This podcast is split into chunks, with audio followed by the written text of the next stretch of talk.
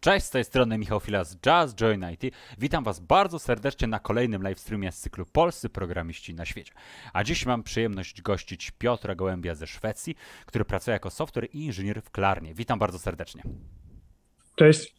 E, Piotrze, w zasadzie można powiedzieć, że gościmy Cię na łamach Jazz Gen IT, Jazz Geek IT e, ponownie, bo ostatnim razem udzielałeś wywiadu Adamowi z kolei, który ukazał się e, właśnie na Geeku 28 lipca zeszłego roku, więc trochę dziś pogadamy o tym, co się zmieniło przez ostatni rok, ale także o Twojej historii. Cześć, z tej strony Michał Fila z Jazz Join Także IT. sporo Witam Was. merytorycznej wiedzy dziś przed nami. No i chciałbym Wam, zanim oczywiście tutaj będziemy rozmawiać, na początku chciałbym przypomnieć, że jesteśmy obecni i na Facebooku, i na YouTubie, także zachęcam Was bardzo mocno do tego, żebyście aktywnie komentowali dzisiejszy stream, zadawali pytania Piotrowi. E, sporo na pewno z nich e, tutaj dzisiaj mm, przytoczę i będziemy sporo tej merytorycznej wiedzy od Piotra uzyskiwać w trakcie dzisiejszego streama. Także Piotrze, Przechodząc w zasadzie już do meritum na początek, e, chciałem zapytać, czy w Szwecji, w Sztokholmie, tam gdzie obecnie przebywasz, czuć atmosferę Euro 2020? Czy czuć atmosferę Euro? E, trochę było czuć zdecydowanie. E, to jest coś takiego, że jak jest e, mecz e, Szwecji, to, mm, to trochę opróżniają się ulice, natomiast e, wydaje mi się, że Szwedzi są tacy bardzo umiarkowani, emocjonalni. To znaczy, mm, chyba nie mają takiego charakteru, żeby biegać po ulicach i krzyczeć, z wyjątkiem tylko niektórych szwedzkich świąt. Mhm, Okej, okay. bo wiesz, oglądając mecz e, choćby Polaków e, ze Szwedami, który odbywał się w ramach tych, tych zmagań grupowych na Euro, no to można było odnieść wrażenie, że na trybunach jednak ci Szwedzi potrafią być e, szaleni. Kraj jednak potomków wikingów, gdzieś tam ten, tą atmosferę też potrafił bardzo mocno zaakcentować na Euro, zwłaszcza, że przecież w tym, w tym roku to Euro trochę inaczej wygląda z racji, z racji okrągłych 60 lat tych rozgrywek i odbywa się na wielu stadionach w całej Europie. No ale już w zasadzie abstrahując od tej, od tej atmosfery, e, Piotrze, na początek, e, dlaczego akurat Szwecja?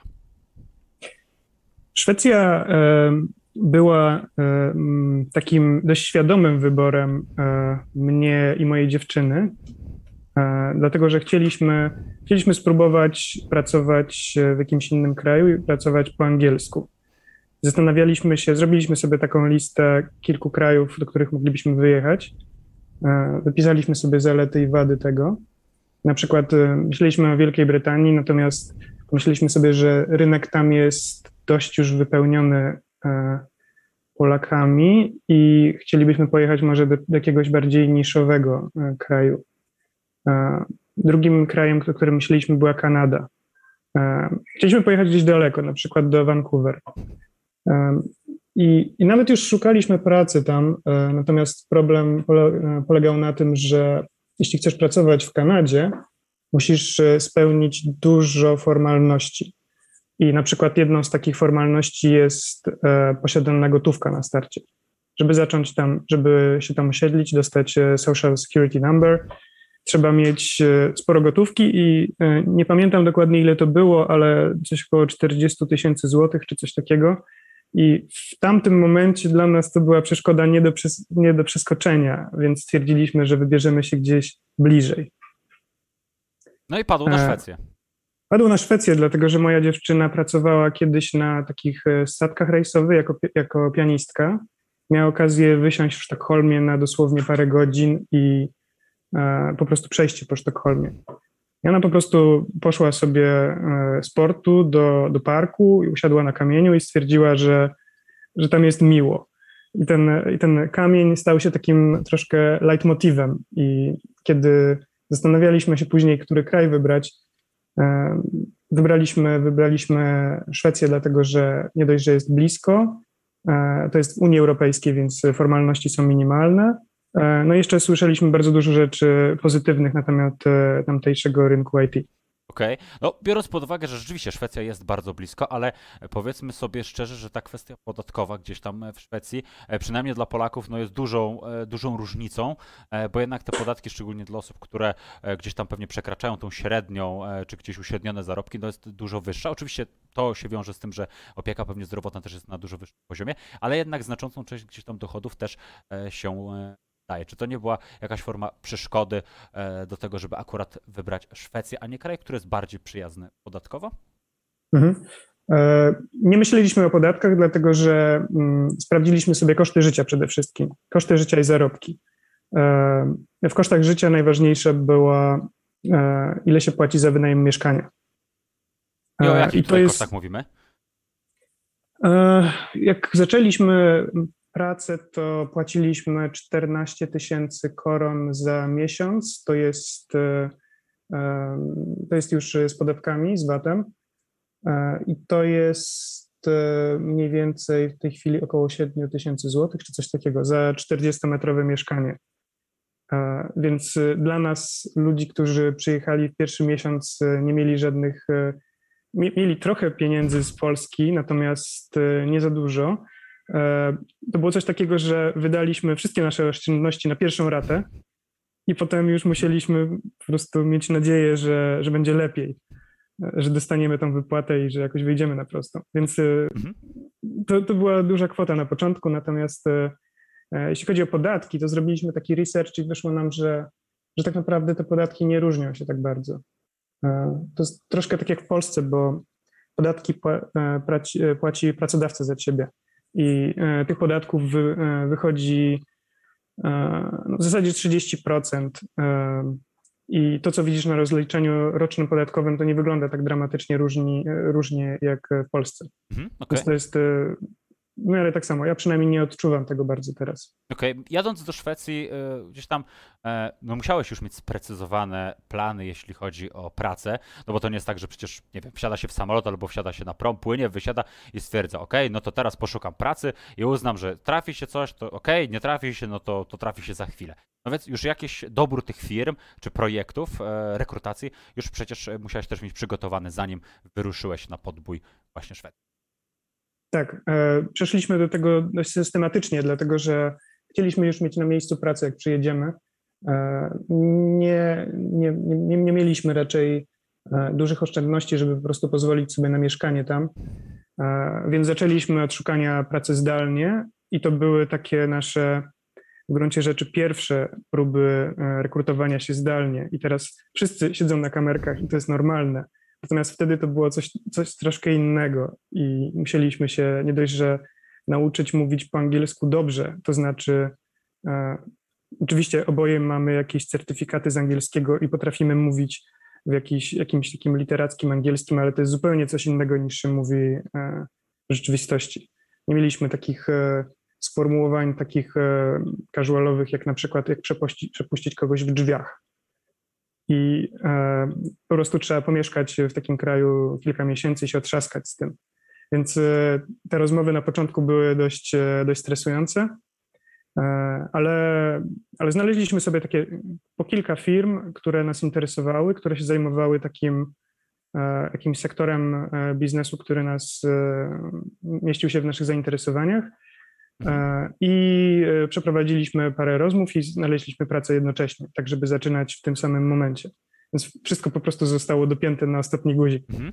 Ale to jest e, nie chcę powiedzieć, że to jest łód szczęścia, ale gdzieś tam chyba to też trochę było przydatne, że, że to szczęście się uśmiechnęło, biorąc pod uwagę, że wyjeżdżacie do innego kraju, ma, e, dostajecie te prace jeszcze w tym samym momencie, co też pozwala na takie stabilne e, i bezpieczne utrzymywanie się jednak w kraju, który do, do najtańszych, no, no, nie należy, ja panem swoją, e, swój wyjazd do Szwecji, co prawda był dwudniowy, ale gdzieś tam e, nie mając świadomości, jak ceny są wysokie w Szwecji, tych najbardziej podstawowych produktów, e, no to trochę, trochę mnie to gdzieś tam może nie tyle przeraziło, co zaskoczyło, że to jest tak duża różnica, jeśli porównamy sobie ten, który w Polsce, prawda?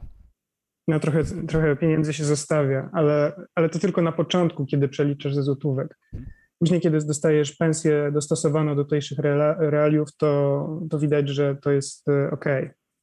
Okay. A powiedz proszę, jakie pierwsze formalności, wymagania musiałeś spełnić, e, kiedy otrzymywałeś swoją pierwszą pracę w Szwecji? Masz na myśli wymagania e, od pracodawcy? Tak. pracodawcy? Tak, jak wyglądała ta pierwsza rekrutacja? No i później to też się wiązało oczywiście z formalnościami takimi prawnymi, relokacyjnymi do, e, do Szwecji, ale zacznijmy od tej rekrutacji, od tego, w jaki sposób e, szukałeś tej pracy i później e, rekrutowałeś się do, do, do pierwszej firmy. Znaczy, jeśli chodzi o kompetencje, to interesującą rzeczą jest to, jaki jest jakiś stosunek do wykształcenia, bo większość firm nie wymaga formalnego mm, wykształcenia, w sensie, żeby mieć na przykład e, tytuł inżyniera, albo jakiś tytuł, skończone wyższe studia z jakiegoś działu STEM, jakieś ścisłe. Więc w tym na przykład nie było żadnego problemu. Ja jestem na przykład z wykształcenia e, historykiem. E, później spróbuję coś o tym powie, powiedzieć, skąd w ogóle wziąłem się w tym biznesie. Natomiast e, pracodawcy byli zainteresowani głównie doświadczeniem. Jeśli widzieli, że na przykład pracujesz już parę lat i robisz na przykład jakieś web API, czy zajmujesz się jak, jakimiś bazami danych, no to ich interesowała tylko i wyłącznie taka wiedza praktyczna. I to mi się podobało. Hmm. Okej, okay. i co dalej? Um, składasz no aplikację, składasz aplikację do konkretnej firmy i co się potem dzieje, jak wygląda ten system rekrutacji, czym on się różni względem tego, jak, e, jak on wyglądał w Polsce? E, nie różnił się bardzo w Polsce, mm, znaczy względem Polski. To było w zasadzie to samo, to znaczy e, jeśli aplikujesz do małej firmy, to masz często do czynienia z CEO tej firmy. I to jest taka pierwsza rozmowa, która jest taka w miarę, mm, w miarę luźna, bo ja znam swoje kompetencje, ten e, człowiek zna swoją firmę, wie czego wymaga, e, więc mówi o, mm, o tym, na czym ta firma zarabia. Ja zadaję pytania na przykład, OK, a jak jesteście finansowani? Bo interesuje mnie na przykład, żeby ta firma się sama utrzymywała ze własnych E, dochodów, a nie utrzymywała się z inwestorów, bo to jest zupełnie inna rozmowa. Mhm. No i to jest taka, moim zdaniem, taka bardzo fajna rozmowa, taka dość ludzka. E, jeśli chodzi o większe firmy, to oczywiście przechodzi się przez jakieś działy HR, ale też ludzie są tacy bardzo, bardzo bezpośredni. Moim zdaniem bardzo fajne. A pamiętasz, czego dotyczyły zadania rekrutacyjne, z którymi musiałeś się zmierzyć? E, tak. E, na przykład firma, do której zostałem przyjęty, ona nazywała się Fendik. E, Fendik to jest coś takiego w rodzaju Allegro, w takim sensie, że tam są sprzedawcy, którzy otwierają sobie konta i sprzedają swoje produkty przez to. Okay. To jest taki model flash sale, że, mm, że firma staje się właścicielem produktu na tylko sekundę i potem przekazuje go klientowi. No i oni mieli tam swój webshop, sprzedawali różne produkty, różne gadżety, nie wiem, ubrania i tak dalej. No i y, rekrutacja w tej firmie wyglądała tak, że w zasadzie przeszliśmy od razu do rzeczy na rozmowie technicznej. Przeszliśmy do takiego problemu, który polegał na tym, że e, dali mi dostęp do swojej bazy testowej, pokazali, jak wyglądają ich zamówienia i powiedzieli, OK, tutaj masz, e, masz interpreter do Pythona. Proszę zbuduj takie zapytanie za pomocą REMA, żeby e, wyciągnąć te produkty pogrupowane według tego. I to było w zasadzie tyle, proszę. Bo jeszcze chciałem e, dodać, że na początku pracowałem w Django, Python Django. Mhm. Ten framework ma bardzo fajny ORM do, do budowania zapytań na bazie i to jest coś takiego, co można po prostu e, w IPythonie fajnie sobie poeksperymentować. E, no i e, co było ciekawe w tym, to była praca zespołowa. To nie było coś takiego, że oni mnie postawili przed tablicą, tylko pracowaliśmy razem nad tym problemem. I to było coś takiego, co mi się nie zdarzyło jeszcze w Polsce. To znaczy... I też sprawdzali twój tok rozumowania tego pewnie jak współpracujesz z pozostałymi osobami, tak? z którymi być może potem w zespole będziesz celowo. Tak, właśnie, właśnie coś takiego. I to, to jest właśnie rzecz, na którą chciałem zwrócić później uwagę, bo tu jest taki aspekt społeczny trochę. Mhm. W sensie, że te umiejętności techniczne nie są aż tak istotne jak umiejętność pracy w zespole i jeśli ktoś czegoś nie umie, no to e, jest duża szansa, że on się tego nauczy później, ale jeśli na przykład nie potrafi komunikować się dobrze albo, nie wiem, zamyka się w sobie albo E, ma jakieś problemy interpersonalne, to to jest trudniejsze do naprawi naprawienia niż e, mhm. takie, nie wiem, braki techniczne. Okay. no tak, bo pewnie umiejętności da się doszlifować, to jest pewnie kwestia kursu, jakiegoś mentoringu, a, a pewnie z tymi umiejętnościami miękkimi jest dużo trudniej. Zresztą też nie jesteś pierwszą osobą tak naprawdę, z którą e, mam okazję porozmawiać, e, która opowiada o pracy e, poza Polską i też mocno stawia nacisk na to, że nieważne czy to jest Facebook, Google, czy to jest na przykład jakaś mniejsza firma, która z formą startupu, czy dopiero rozwijającego się biznesu, to też stawia na to, że jednak umiejętność pracy w zespole, tego komunikowania się naprawdę bardzo ważna, bo pozwala dużo lepiej, sprawnie pracować, umiejętności techniczne da się mimo wszystko w miarę mm, szybko nadrobić, szczególnie czerpiąc wiedzę od bardziej doświadczonych, bardziej e, większych ekspertów po prostu. No ale dobrze, przechodziłeś to rozmowę e, kwalifikacyjną, zadanie techniczne, potem e, kwestia pierwszego dnia. Czy było dużo różnic e, między tym, jak pracowałeś w Polsce, a tym, jak rozpocząłeś pracę w jako programista? Tak, było dużo różnic. Przede wszystkim szef nie miał swojego akwarium, to znaczy swojego przezroczystego pokoju. Okay. To, było, to było niesamowite, dlatego że szef po prostu wybierał sobie biurko i siedział z nami. Właściwie trudno było powiedzieć, że to jest szef, dlatego że mm, on. W sensie pracowałem w takiej firmie, która e, lubiła się tak stylizować na taką, taką nowoczesną, taką sexy. I ten, ten CEO był taki bardzo bezpośredni. E, więc trochę nie było takiego, nie było takiej, nie wiem, spiny, żeby z nim porozmawiać. Mhm. E, to rzucało się w oczy. Okej, okay. a jakieś jeszcze różnice były? Kwestia, nie wiem, e, na przykład wielokulturowego zespołu, kwestia systemu zarządzania, metodyki pracy. Jakbyś coś więcej mógł powiedzieć o tym, jakie są różnice między Szwecją a Polską, bo jednak no, z pewnością te różnice muszą być, bo, bo jednak trochę się różnimy, prawda? Mhm. Z innego rdzenia pochodzimy, taką historycznie, biorąc pod uwagę. Tak, e, to co się rzuca w oczy to jest brak takiej stratyfikacji e, w tytułach. To znaczy, że rzadko się zdarza, żeby był jakiś deweloper 1, deweloper 2, deweloper 3, senior developer czy coś takiego, tylko raczej mm, ludzie noszą ten sam tytuł. I to jest, e, to jest coś takiego, co jest też prawdą w firmie, w której teraz pracuję, w Klarnie, i też e, było w poprzednich firmach, w których pracowałem. E, nie jestem pewien, jak to wygląda ogólnie na szwedzkim rynku, bo mhm. podejrzewam, że są, są też takie mm, bardzo tradycyjne firmy, które mają, e, mają taki zestaw społeczny, powiedziałbym, składający się tylko i wyłącznie z białych mężczyzn, Szwedów, i tam pewnie ta organizacja wygląda bardziej tradycyjnie. Natomiast w tych firmach, w których ja pracowałem, to była bardzo duża różnorodność kulturowa, która, która była jednocześnie połączona z takim, e, nie wiem, takim w miarę egalitarnym podejściem do, do tytułu. Hmm. Okej, okay, a jak ta ta różnica, bo jeżeli jest zespół wielokulturowy, o tym też bardzo dużo rozmawiam, choćby z gośćmi, którzy pracowali na stałe w Japonii, w Chinach, ale i w Nowej Zelandii, Australii czy Stanach Zjednoczonych, gdzie te zespoły rzeczywiście są wielokulturowe, bo to wynika e, choćby z zaszłości historycznych i, z podejścia. Jak to wygląda w Szwecji? E, jakby jest duża trudność na początku, żeby się dogadać z racji tego, że jednak trochę się jednak różnimy od siebie, choćby podejściem na przykład do pracy, e, jakby też z zaszłościami historycznymi, wieloma innymi elementami. Tutaj łatwo jest znaleźć wspólny język i żeby rozwijać jak najlepiej dany produkt, daną usługę? E, czy też napotykasz na początku sporo e, gdzieś tam może oporów, barier czy trudności, żeby, żeby tą pracę wykonywać też jak najlepiej? Myślę, że nie ma problemów i myślę, że to jest właśnie bardzo dobre, że ten krajobraz jest taki wielokulturowy, dlatego że nie ma właściwie jednej takiej dominującej kultury.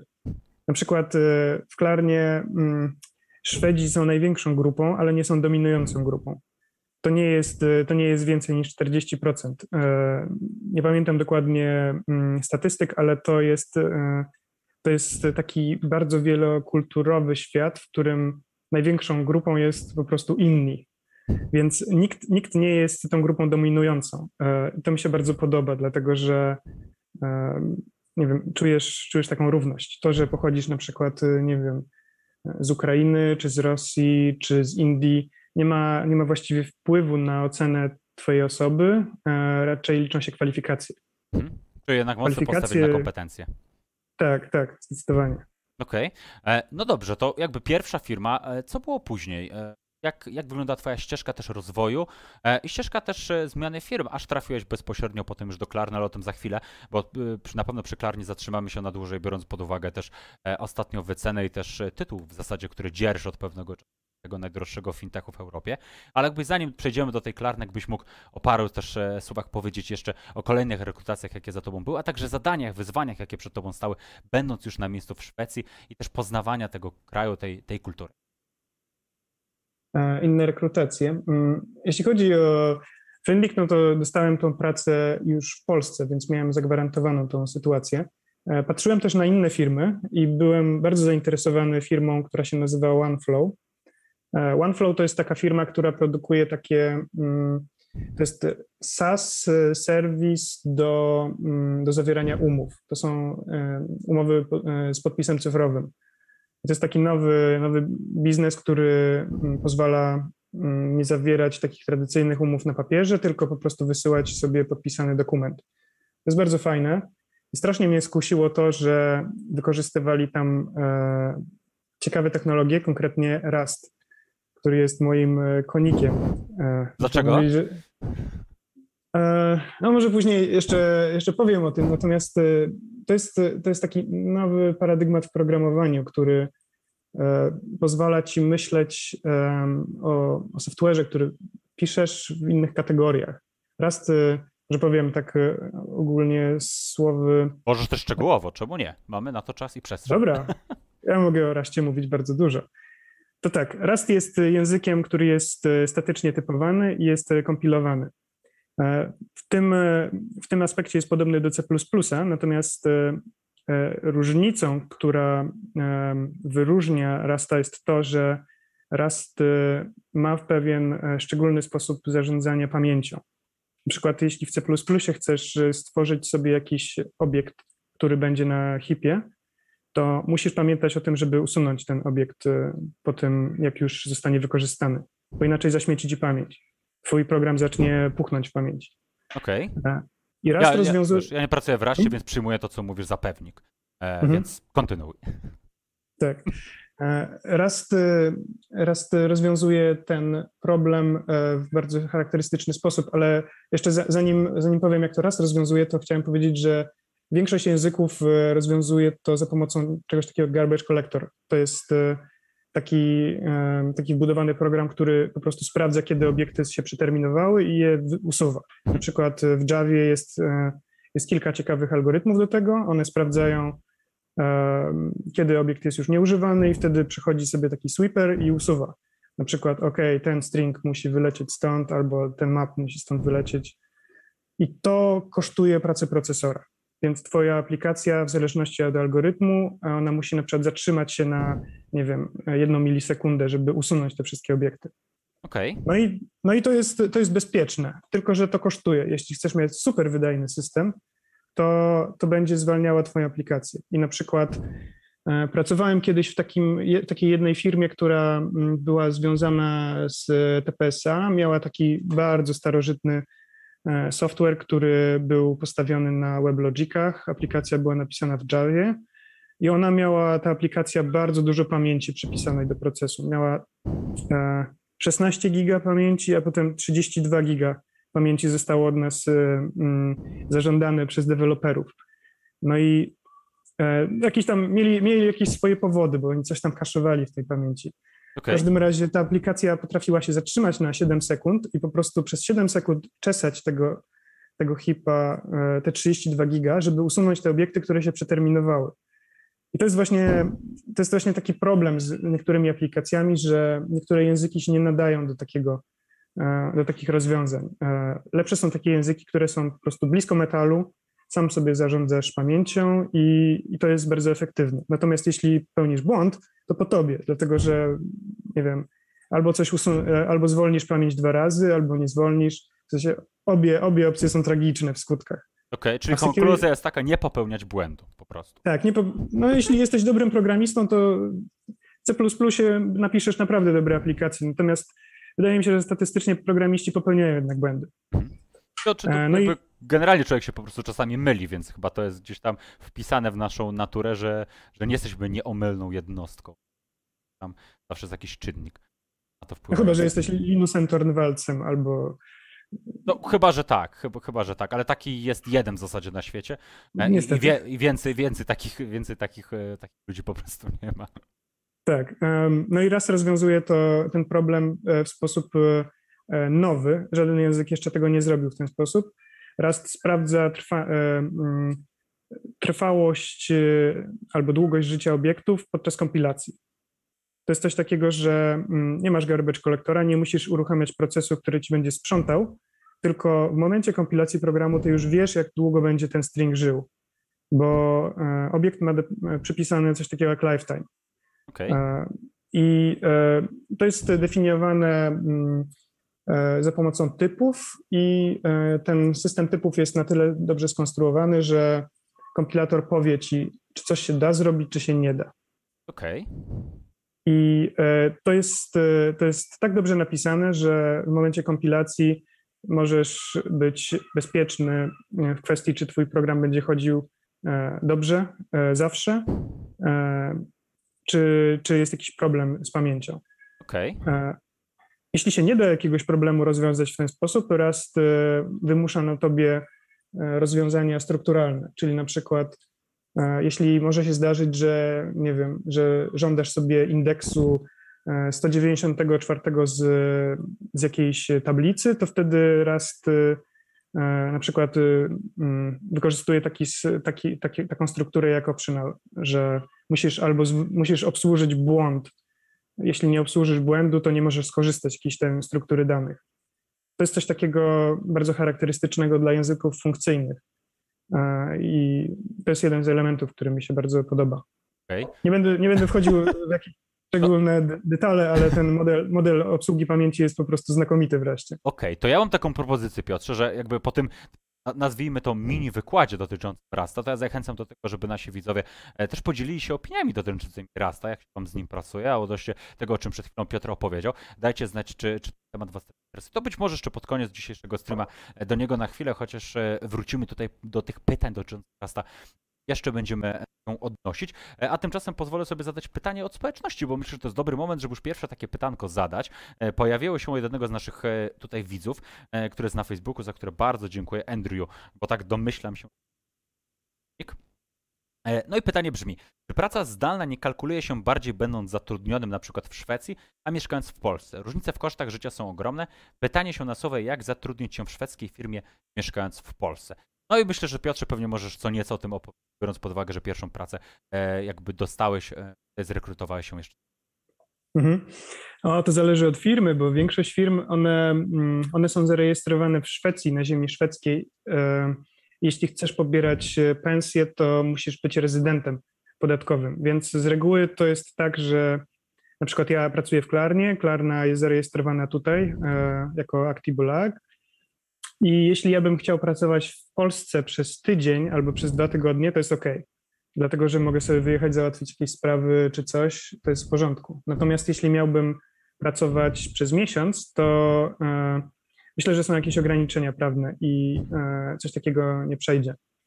Natomiast jeśli chodzi o jakieś takie firmy międzynarodowe, podejrzewam, że można sobie podpisać taką umowę, natomiast ja nigdy się nie bawiłem w coś takiego. Okej, okay. ale to jakby, bo z Twojej wypowiedzi wnioskuję, że jest utrudniony dostęp do pracy zdalnej dla szwedzkich firm.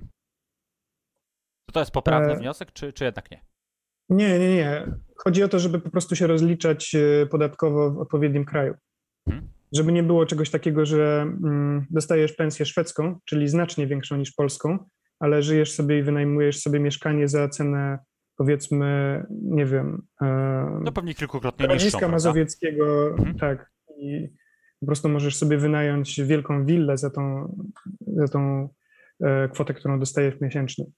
Więc e, podejrzewam, że stąd wynikają te ograniczenia. Natomiast y, myślę, że mo możliwe to byłoby za pomocą jakiegoś, jakiejś innej umowy. Mhm. Na przykład B2B? E, gdybyśmy to mieli odnieść do polskich realiów? Czy tam tego, tej formy samozatrudnienia, bycia na, na jednoosobowej działalności gospodarczej? Tak, podejrzewam, że tak, ale wtedy trzeba zapłacić podatek mhm. też odpowiedni. Więc y, podejrzewam, że ustawodawca jakoś sobie z tym radzi. Natomiast nie wiem, bo nigdy nie pracowałem na B2B. I chciałem powiedzieć jeszcze, że w Szwecji B2B to jest naprawdę mniejszość i że jeśli jesteś indywidualnym pracownikiem, to masz umowę o pracę, niezależnie gdzie pracujesz. Czy pracujesz jako sprzątacz, czy pracujesz jako software architekt, wszyscy mają umowę o pracę. To jest zdecydowanie dominująca forma zatrudnienia. Okej. Okay. E, no dobrze, a co z kwestią relokacji? No bo tak jak żeśmy na początku rozmawiali, do tego chciałbym wrócić, bo to jest bardzo ważny wątek w tych, którzy myślą o tym, żeby pracować w Szwecji. E, no to Znalazłeś pracę jeszcze rekrutując się zdalnie, no ale była też kwestia tej pomocy w znalezieniu przecież e, mieszkania, bo, bo też e, z wywiadu, którego, którego w zeszłym roku udzieliłeś, e, no to nie jest taka prosta sprawa, żeby tam wynająć mieszkanie, nie będąc obywatelem Szwecji.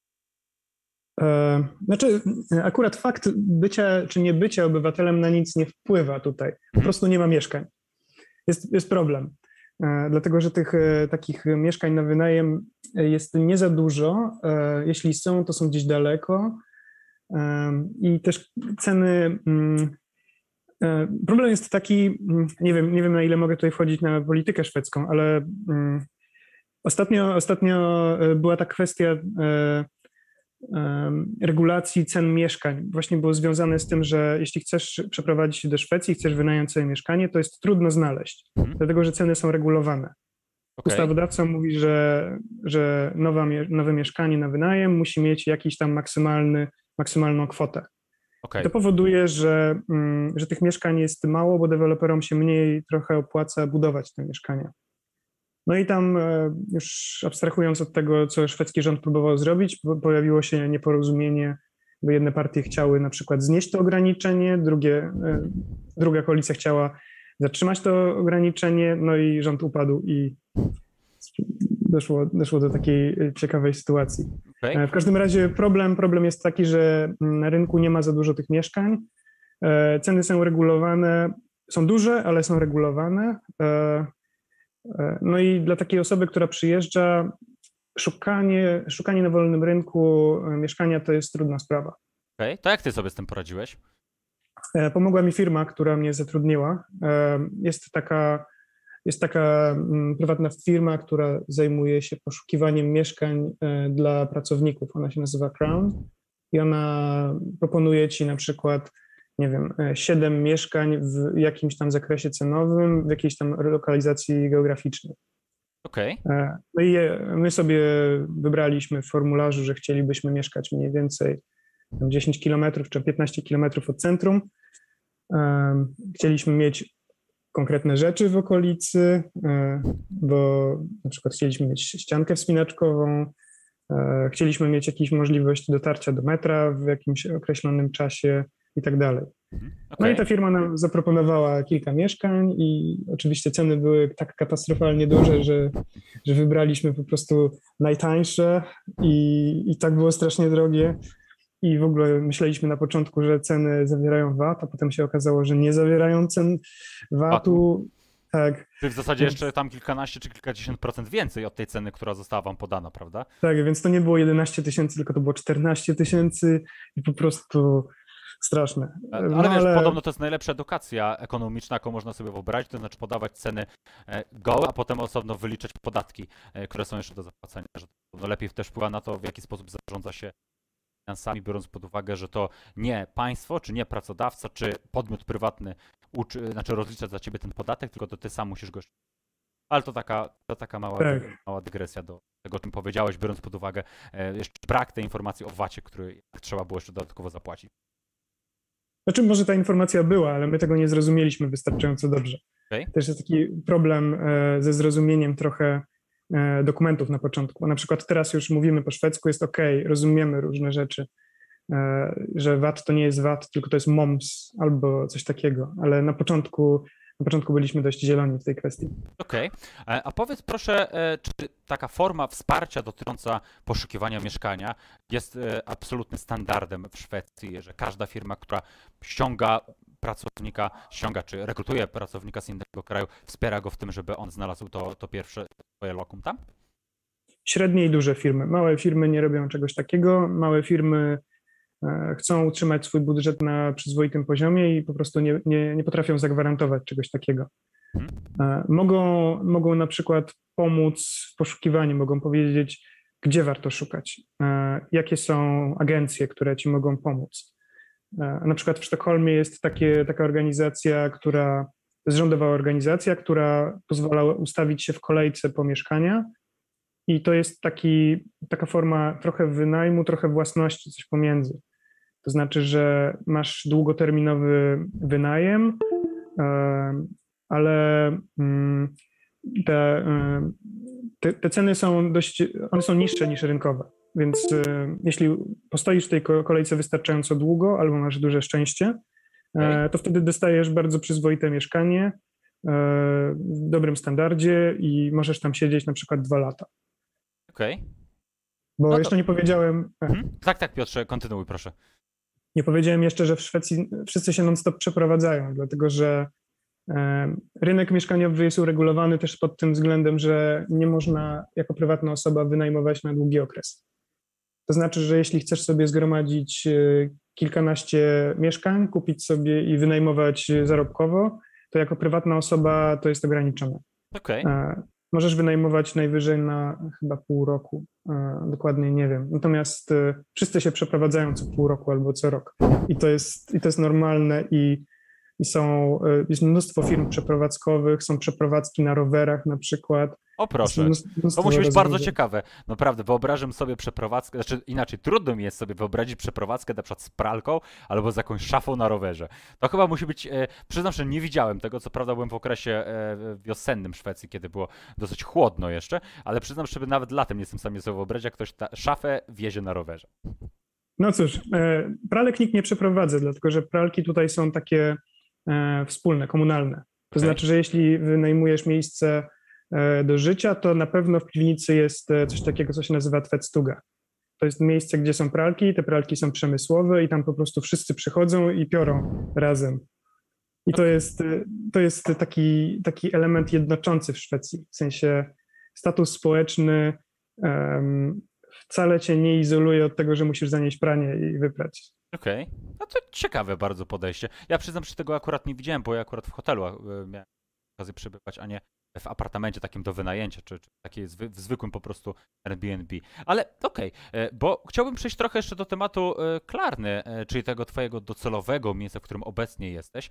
Ale zanim to zrobię, to jeszcze przypomnę o tym, żebyście aktywnie tutaj zadawali pytania, też kieruję bezpośrednio do Sporo się ich pojawiło, także będę parę jeszcze rzeczy tutaj o te parę rzeczy pytał, ale na początek mm, e, myślę, że taka trochę odpowiedź i komentarz do tego, co Piotrze mówiłeś w kontekście tych pensji, wynagrodzeń e, w Szwecji. Tutaj Wojtek mm, napisał takie, mm, takie zdanie i pozwolę sobie je docelowo zacytować. E, że pensja szwedzka jest znacznie większa niż polska. Tutaj Piotrze tak, tak powiedziałeś, a Wojtek do tego dopowiada. To nie jest do końca prawda. Na tyle, ile się orientowałem w Sztokholmie, średnia pensja programisty to jakieś 15 tysięcy złotych netto miesięcznie.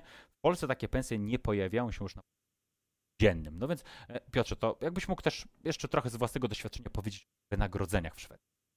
Mhm. Um, to, jest, to zależy, zależy, z jakiego poziomu się startuje w gruncie rzeczy, bo ja kiedy um, opuściłem Polskę i potem dostałem pierwszą wypłatę w Szwecji, to policzyłem sobie, że zarabiam w zasadzie trzy razy więcej. Już e, z kompensacją na różnicę um, wartości korony i e, polskiego złotego. E, więc ja odczułem tą zmianę pozytywnie. I okay. nawet biorąc pod uwagę koszty mieszkania. Więc e, przynajmniej tam było, to było wtedy tak. To było w 2017 roku. Może się trochę zmieniło od tamtego czasu. Mhm. Natomiast e, mm, być może przeszedłem z dużo lepszej, z, z gorszej firmy do dużo lepszej. E, bo też moja historia jest taka, że ja jestem samoukiem i ja zaczynałem w firmach, które nie płaciły mi bardzo dużo pieniędzy. Ja musiałem się bardzo dużo nauczyć na początku. I trochę mi zajęło czasu dojście do, takich, e, do takiego poziomu, który jest, e, nie wiem, odpowiedni na przykład do mojego wieku. Niektórzy zarabiają na początku więcej. E, jeśli na przykład mają lepsze wykształcenie na początku, to od razu skaczą sobie do jakichś firm znanych. Ja na początku, na początku pracowałem w małych firmach, jakichś software house'ach, czy coś takiego i dopiero tam się nauczyłem i nie wiem, trochę też poznałem własną wartość. Okej. Okay.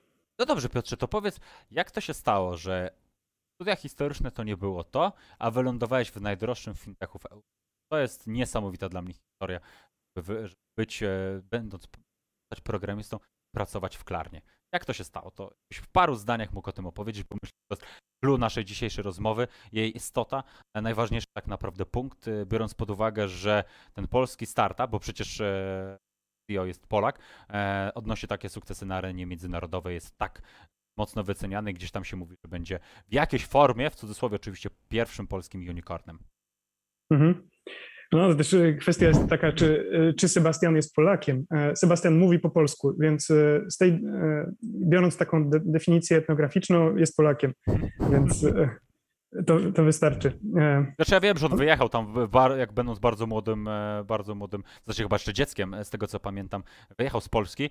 Jak gdzieś tam się odwołuje powiedzmy do tych korzeni, wiadomo, że jakby to... Tak. Więc, więc dlatego tak zagajałem, pozwoliłem się trochę, wiesz, gdzieś tam, tam w ten sposób sformułować tak. właśnie to zdanie. Skąd się, skąd, się wzięła, skąd się wzięło programowanie w historii?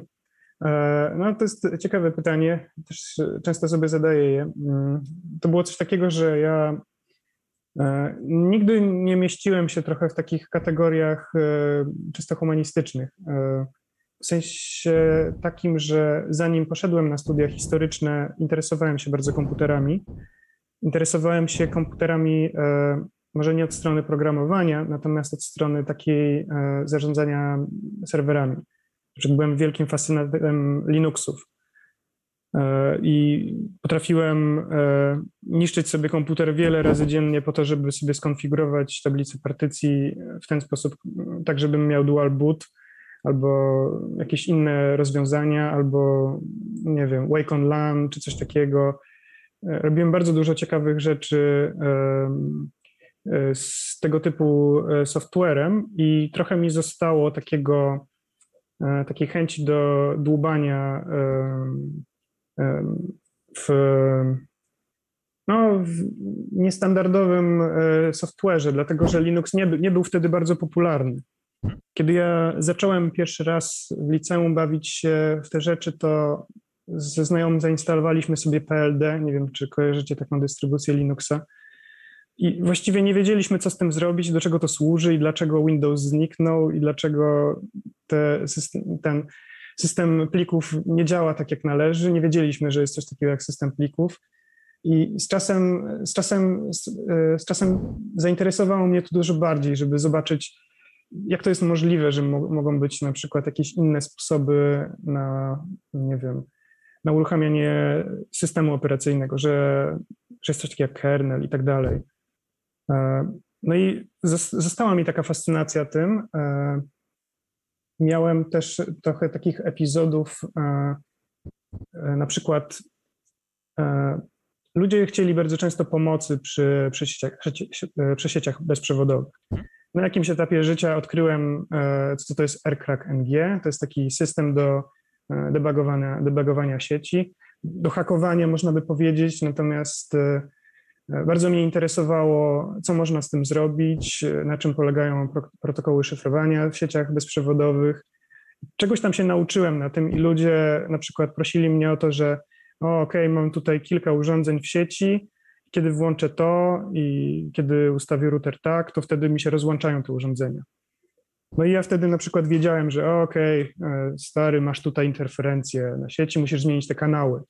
I żeby zobaczyć te kanały Wi-Fi, to możesz to użyć do debugowania i musisz ustawić taki, taką, taką różnicę pomiędzy tymi kanałami. Ja wtedy ustawiałem e, coś takiego i ci ludzie dawali mi 50 zł. To było strasznie motywujące na, na początku. No i stwierdziłeś, że będziesz ustawiał sieć, debugował tą sieć i pójdziesz do Clark. Ta, ta będzie się tym zajmował. Ja oczywiście trochę mhm. żartuję, bo to taka niesamowita historia, wiesz, jakby e, twoich przygód, e, potem trochę nie tematem niezwiązanych studiów i dostawałeś za taką usługę z kolei 50 zł. Tak to brzmi, ja bym powiedział, wiesz, tak e, trochę tak jak e, zaczynał Google choćby w garażu, e, pierwsze biuro, a teraz jest jedną z największych, czy w zasadzie największą korporacją świata, prawda? Trochę się po prostu tak uśmiecham, że fajnie, że tak, takie tak. historie też są obecne. To, to Polacy też tworzą takich tak, ale ja miałem zupełnie inny mindset, bo ja nie byłem zainteresowany zarabianiem na tym, bo ja uważałem, że nie mam kompetencji do tego. Dlatego, że na przykład wybrałem, wybrałem sobie taką maturę i to mi zamknęło e, e, drogę na jakieś e, studia ścisłe. Byłem zainteresowany historią, myślałem, że będę się zajmował wydawaniem źródeł albo pracą naukową. I nawet, nawet nawet udało mi się wydać jakieś artykuły, e, ale zaraz po studiach stwierdziłem, że, że zaraz, przecież, przecież wystarczy wyciągnąć rękę i zaraz dostaniesz pracę w takim biznesie i to chyba po prostu idzie lepiej. Natomiast e, praca historyczna jest bardzo, bardzo fajna, wymaga, e, wymaga w pewnym sensie podobnych umiejętności, o czym może zaraz powiem. Mhm. Natomiast no, to nie zapewnia ci bardzo dobrego życia. Znaczy, masz, masz dużo ciekawej, wymagającej pracy, poznajesz, poznajesz na przykład jak wyglądają, mm, jak wyglądają źródła historyczne na własną rękę. Okay. Pamiętam taki, taki moment, kiedy musiałem do mojej pracy magisterskiej opracować, mm, że powiem, o czym była moja praca magisterska, to rzuci też jakieś światło. E, moja praca magisterska była o mm, fizyce e, oświecenia w Polsce XVIII wieku. No, mniej więcej tam e, na, na czasy panowania Stanisława Augusta. No i zajmowałem się mm, tym, jak wygląda to w podręcznikach fizyki. Czym się zajmowała ta fizyka, jakie były możliwości. Porównywałem na przykład, na jaki, w, jakim, w jakim sensie ta fizyka jest importem z francuskiego oświecenia, i do czego się wydaje te podręczniki? W sensie, jakie, jakie te podręczniki mają sens e, w takiej misji narodowej e, odradzającej się Polski? Bo no nie, nie wiem, czy pamiętacie, o co chodziło w polskim oświeceniu, ale to chodziło o to, żeby naprawić kraj. Chodziło o to, żeby tak. zbudować nowoczesne państwo. No i te podręczniki fizyki, one miały właśnie kluczowy element, żeby nauczyć ludzi mechaniki, żeby jak budować pompy, mhm. jak budować maszyny proste, w jaki sposób robić manufaktury to mnie fascynowało wtedy. I te nauki ścisłe też były w tym obecne. E, no i w momencie, kiedy na przykład idziesz do archiwum i zamawiasz sobie taki starodruk z XVIII wieku i bierzesz je do ręki, no to po prostu masz taki niesamowite, niesamowitą możliwość obcowania z tym źródłem. Nie wiem, w jaki sposób mi się to łączyło wszystko e, z tą I tak fizyką. I tak trafiłeś do świata IT. Dzięki e, między innymi pompom, oświetleniu, fizyce, podręcznikom, starą drukom. Tak. Miałem też na, na, na studiach e, kursy hmm, historii fizyki troszkę. Miałem też statystykę, bardzo mi się podobała. Na przykład dowiedziałem się, co to jest regresja liniowa, co mi się później bardzo przydało w życiu, dlatego że regresja liniowa to jest najlepszy algorytm do rozwiązywania regresji, jaki jest, bo można go zrozumieć łatwo i Łatwo Wiem, pamiętam, pamiętam też miałem na studiach e, na ekonometrii jeszcze wersję liniową. Ja nie wspominam tego wcale tak, tak bardzo dobrze i z dużym sentymentem. Może to wcale e, niedawno, nie, niedawno było, także e, Piotrze, wybacz, tutaj się nie poprę, jeśli chodzi o regresję liniową. Ja się z nią nie zaprzyjaździłem, tak jak... No, mieliście na pewno zupełnie inny poziom niż... A, to na pewno. Tak, tak, bo to było z ekonometrii na studiach ekonomicznych, więc trochę, tak. trochę pewnie inna, inny poziom zaawansowania, znaczy gdzieś tam ta różnica na pewno jest bardzo duża między, między tobą i mną w tym temacie. Oczywiście na plus, jeśli chodzi o ciebie. dziękuję bardzo. A bardzo proszę. A powiedz, no dobrze, a mamy te studia historyczne, ale jak, e, jak pojawiła się w Twoim życiu ta e, Klarna? Bo myślę, że i obecne tak naprawdę teraz Twoje życie w Szwecji, e, jak ono teraz wygląda, nad czym obecnie pracujesz? Fajny taki pytań pojawiło, także fajnie gdybyś Piotrze też o tym też wspomniał. Mhm. Skąd się wzięła Klarna? Interesowało mnie security. Pracowałem w firmie, która się zajmowała skanowaniem bezpieczeństwa. To, było, to był fajny projekt, to, był, to było coś, co, co uważałem za mm, takie, nie wiem, etycznie właściwe. E, lubię, lubię po prostu współpracować, e, pracować w jakimś środowisku, które robi coś, co jest pożyteczne. Na przykład, nie wiem, miałem kilka ofert pracy w jakichś firmach, które się zajmują hazardem i te, te oferty były bardzo ciekawe, natomiast jeśli mam do wyboru E, hazard i e, bezpieczeństwo, które, mm, które jest potrzebne, to zawsze wybiorę coś takiego bardziej, nie wiem, etycznego. Przynajmniej tak, tak próbuję, nie zawsze mi się udawało. E, natomiast trochę się związałem mm, z tym security, no i Klarna, Klarna zaproponowała mi pracę w takim zespole, który budował taką infrastrukturę dla bankowości, mm, taki taki system trochę self-service, e, załóż własny bank. No i tam był e, potrzebny taki e, system, który by zajmował się izolacją różnych, różnych poziomów dostępu i, i ogólnie rzecz biorąc zarządzaniem kontami użytkowników, i tak dalej. No nie, nie wiem, na ile mogę powiedzieć e, w szczegółach, natomiast... E, Powiedz tyle, ile możesz. Jakby tego się trzymajmy. Tak, to jest, to jest wewnętrzny system do autoryzacji pomiędzy różnymi serwisami, które wykonują oper, operacje bankowe. Okej. Okay. I to, te operacje bankowe mogą być różne, czyli na przykład może być przelew SEPA, który wykonuje przelew euro pomiędzy mm, euro-euro okay. w, w granicach Europejskiego Obszaru Gospodarczego, albo zwykłe przelewy walutowe, albo konta osobiste i tak dalej. I te systemy, one muszą mieć, one muszą mieć wyraźną granicę izolacji pomiędzy sobą. To znaczy, że jeśli twój mikroserwis zajmuje się przelewami SEPA, to ten serwis nie powinien dostawać się do salt kont. To jest e, między innymi coś, co osiąga nasz system. On jest dużo bardziej skomplikowany niż to, ale izolacja jest mm, takim jego mm, takim jądrem. Dobra. No, brzmi to bardzo ciekawie. E, myślę, że ten temat jeszcze będziemy jakoś w jakimś stopniu rozwijać. Myślę, że w formie jakiegoś, jakiegoś materiału, który pojawi się po naszym dzisiejszym live streamie, bo chciałbym jeszcze zadać kilka pytań od społeczności, bo ich pojawiło się kilka, także e, warto, żebyśmy też, e, też trochę do nich tutaj wrócili, zwłaszcza, że powoli, powoli zbliżamy się do końca naszego dzisiejszego streama. Mm, także pytanie od Kamila. Także czytam. Mm, a właściwie jak z mindsetem Szwedów? Czy chcą zatrudniać na przykład niedoświadczonych polskich programistów i zapewniać im rozwój. Jak najbardziej. E, to jest tak, że Szwecja ma wielki niedostatek talentów. E, to jest, e, to jest znany problem. Tutejszy rynek IT jest bardzo rozbudowany, jest bardzo dużo startupów, które powstają i robią coś, a potem znikają albo rozwijają się w większe firmy.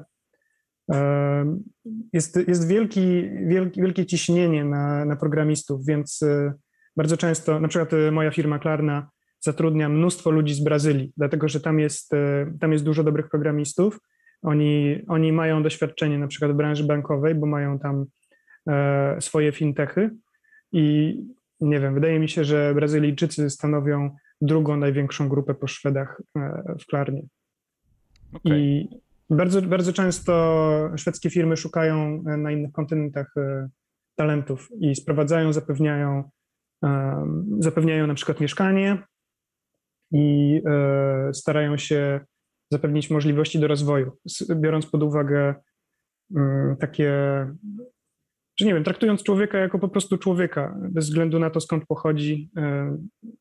Z reguły ludzie mają podobne możliwości intelektualne, E, wystarczy im dać po prostu miejsce do życia, pensję, możliwości rozwoju i oni, oni wszyscy dojdą do tego samego poziomu, więc nie, nie ma tutaj takiego ograniczenia.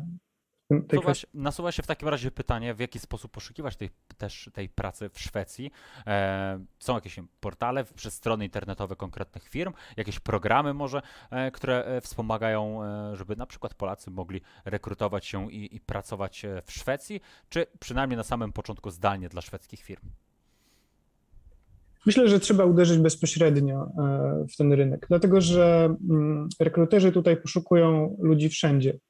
I wystarczy, wystarczy znaleźć sobie jakąś firmę, e, która wystawia ogłoszenie. E, te ogłoszenia będą po angielsku, zdecydowanie.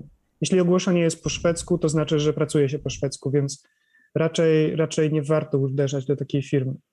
E, takie tradycyjne, duże firmy, one, one są mniej atrakcyjne zdecydowanie, dlatego że tam ta kultura pracy jest taka no, mnie interesujące. Jeśli chcesz e, znaleźć jakieś, e, jakieś fajne miejsce do pracy, to, to przejrzyj sobie po prostu ogłoszenia na jakimś serwisie mm, z, z pracą dla Sztokholmu i, albo dla Göteborgi i zobacz, co tam będzie. Okay. Dlatego, że mm, no naprawdę specjaliści są tutaj bardzo potrzebni, każdego typu, nie tylko programiści, specjaliści od baz danych, data scientiści, E, mogę powiedzieć, że z data scientystami jest wielki problem, dlatego że to jest nowa dziedzina, potrzeba bardzo, bardzo dużo takich ludzi, bo wszystkie firmy oczywiście muszą mieć jakiś machine learning, dlatego że jeśli nie masz machine learningu, to jesteś w tyle oczywiście. E, tak, moja dziewczyna jest data scientistem i e, to widać, że brakuje, brakuje ludzi, od których można by się uczyć. Ona chciała znaleźć sobie jakiś zespół, który mm, który, którym byliby seniorzy data science, ale to jest bardzo, bardzo trudne. No, zapraszamy w takim razie do Polski. Tutaj jest sporo data scientistów, e, którzy pracują. E, szczególnie to też widać po rekrutacjach, które są na Just IT, e, że sporo firm rekrutuje rzeczywiście takie osoby, ale też sporo, osób, sporo firm też takie po prostu programistów, takie, takich specjalistów, ekspertów ma u siebie w, w zespołach. Zadam ostatnie pytanie tak naprawdę podczas dzisiejszego live streamu. Tutaj pytanie od Bartka, a za resztę pytań bardzo serdecznie dziękuję. Naprawdę sporo się ich pojawiło i fajnie, fajnie że jesteście tak droga społeczności aktywna podczas dzisiejszego streama. Tutaj sporo tej wiedzy od Piotra e, można uzyskać, to jest naprawdę super. Ale tymczasem pytanie od Bartka. Pytanie z punktu widzenia rekrutera. Czego oczekuje pracownik od przyszłego pracodawcy w Szwecji? Czy może masz jakieś spostrzeżenia, jakie dodatkowe benefity najczęściej oferuje pracodawca i obiektywnie z Twojego punktu widzenia, co Twoim zdaniem powinien oferować pracodawca w Szwecji, żeby przekonać obcokrajowców do pracy dla konkretnej firmy? co powinien zaproponować. E, no, tak myślę, jest. że bardzo ceni się mm, niezależność zespołu. E, dlatego, że na przykład wielkim takim selling pointem Klarny jest to, że Klarna ma e, mm, autonomiczne zespoły. To jest coś takiego, że mój zespół, który się składa z siedmiu osób, on decyduje sam, co robimy i jak to robimy. To znaczy, mamy jakieś ograniczenia, na przykład E, my lubimy programowanie funkcyjne i chcemy programować w Haskellu. To jest OK, e, dopóki, dopóki Klarna ma jakieś tam wsparcie dla, dla tego e, w takim ogólnym ujęciu na jakimś radarze. Natomiast dużo takich decyzji na niższym szczeblu ona zostaje w zespole i to jest, to jest bardzo widoczne w tym. Możemy, możemy sobie decydować sami, nie ma czegoś takiego, że mm, że jest nam coś kazane, że nasza praca jest przerywana po to, żebyśmy, dostawali, żebyśmy zrobili coś, co jest e, ważniejsze. To jest tak, że my decydujemy o swoim planie, robimy sobie planning e, taki duże, du, dużej skali e, roczny i taki sprintowy w małej skali. I kiedy ktoś chce na nas wywrzeć jakąś presję, to my po prostu odwołujemy się do tego planu i ok, my mamy niezależność, my będziemy re realizowali nasz plan i firma nas w tym wspiera. I to jest bardzo fajne. Więc y, warto, warto wiedzieć o tym, czy, czy coś takiego jest możliwe. W sensie, jaka jest struktura takiej firmy. Polecasz pracę w Szwecji. Puentując, czy chciałem jeszcze powiedzieć, jakie, jakie benefity można. A tu proszę, Piotrze, to. Można żądać. Jasne, to śmiało. E, znaczy, bardzo, bardzo cenię sobie benefit sportowy, dlatego że chciałem powiedzieć właśnie o wspinaczce dlatego że spinaczka jest, e, jest, moim, e, jest moją pasją i, i jest, e, jest taki standardowy benefit, który polega na tym, że dostajesz jakąś pulę rocznie na, na sport właśnie i jeśli tego nie ma w twojej ofercie, no to nie przyjmuj takiej pracy. To musi być koniecznie. Dlatego, że tu jest mnóstwo na przykład miejsc do, do spinaczki sportowej albo do boulderingu i, i warto mieć po prostu to sfinansowane. Okay. Więc benefit musi być koniecznie. Jasne, to, e, to w takim razie polecamy, żeby na to też zwracać uwagę, gdzieś tutaj e, nacisk położyć, żeby też taka pula właśnie na sport się e, pojawiła. Piotrze, bardzo serdecznie Ci dziękuję za Twój poświęcony tutaj czas, że, że zgodziłeś się tutaj być z nami przez e, minioną godzinę i poopowiadać e, swoje perspektywy, jak wygląda praca, życie w Szwecji. E, sporo tych tematów żeśmy poruszyli, na pewno drugie tyle, jak nie więcej, jeszcze nie zdążyliśmy poruszyć, bo po prostu już czasu nie starczyło, ale to nie przeszkadza, żeby z tego zrobić też fajny materiał, który ukaże się jako kontynuacja tego wywiadu, którego udzieliłeś w zeszłym roku, do którego też odsyłam. Także link z pewnością znajdziecie jej na Facebooku i na YouTube w komentarzu do tego wywiadu. E, a my też e, z pewnością z Tobą jeszcze tutaj coś fajnego e, przy okazji tego tematu szwedzkiego jeszcze zrobimy. No i polecam do tego już tutaj bezpośrednio do społeczności się kieruję tymi słowami. Jeżeli macie ochotę rekrutować się do fajnych firm, pamiętajcie, że Just Join IT daje Wam globalne możliwości. Zachęcam do tego, żeby również sprawdzać aktualne oferty z Szwecji. A tymczasem życzę Wam miłego wieczoru. Dziękuję Tobie Piotrze raz jeszcze i do zobaczenia zobaczenia, do usłyszenia. Ja również dziękuję.